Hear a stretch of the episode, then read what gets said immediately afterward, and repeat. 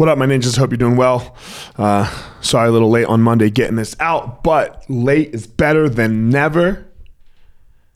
And I hope, man, do I hope everyone is paying attention, you know, to what to what Coach Prime, to what Deion is doing in Colorado, to what Deion is doing here with the hometown Buffs, right in Boulder with with these kids, with this program, with everything that's going on. And I know I'm probably going to take some hate for this one. I'm greatly aware. But I don't give a fuck because it's too good. It's it's just as he would say it's it's too darn good. It's too darn good. Man. Look, I'm not saying you got to like the personality. Uh, I get that. I, I, I can get that a little bit but you got to go a little you got get past it. Get over it. Look look at what's actually going on with Deion Sanders and the Colorado Buffaloes look at what has been going on with Deion and his kids. Let's just start there. All of this a hundred percent of this I'm even gonna go a hundred percent is self-serving. Yeah Deion did all of this for his children so that his children could be great, so that his boys have the opportunity to be great with great people around them and great opportunities in front of them. And we and and and, and people want to hate on this guy. People want to hate on this man. The, man, be more like Deion. And you know I love Mike. Be more like Deion than you are like Mike.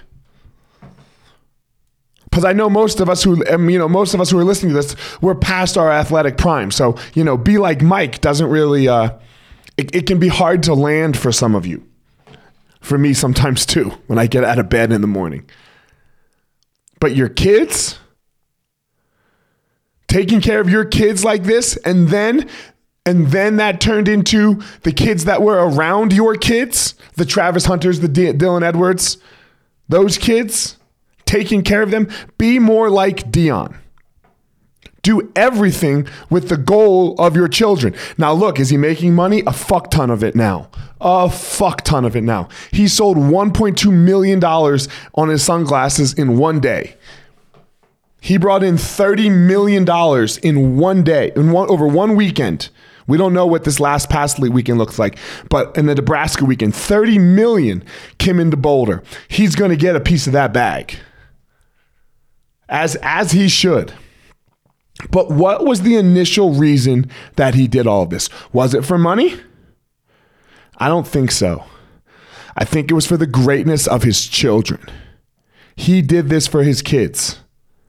So, we all say family, blah, you know, blah, blah, blah, val, you know, is my value, blah, blah, blah. But is it really? Is it really, is my point in the be more like Deion? He spends all his time with his kids, right? He coached them coming up, pee wee, basketball, baseball, football, daughter included. Then just football, but they played basketball still and baseball. Went to Jackson State with them, didn't need to do that, did not need to do that.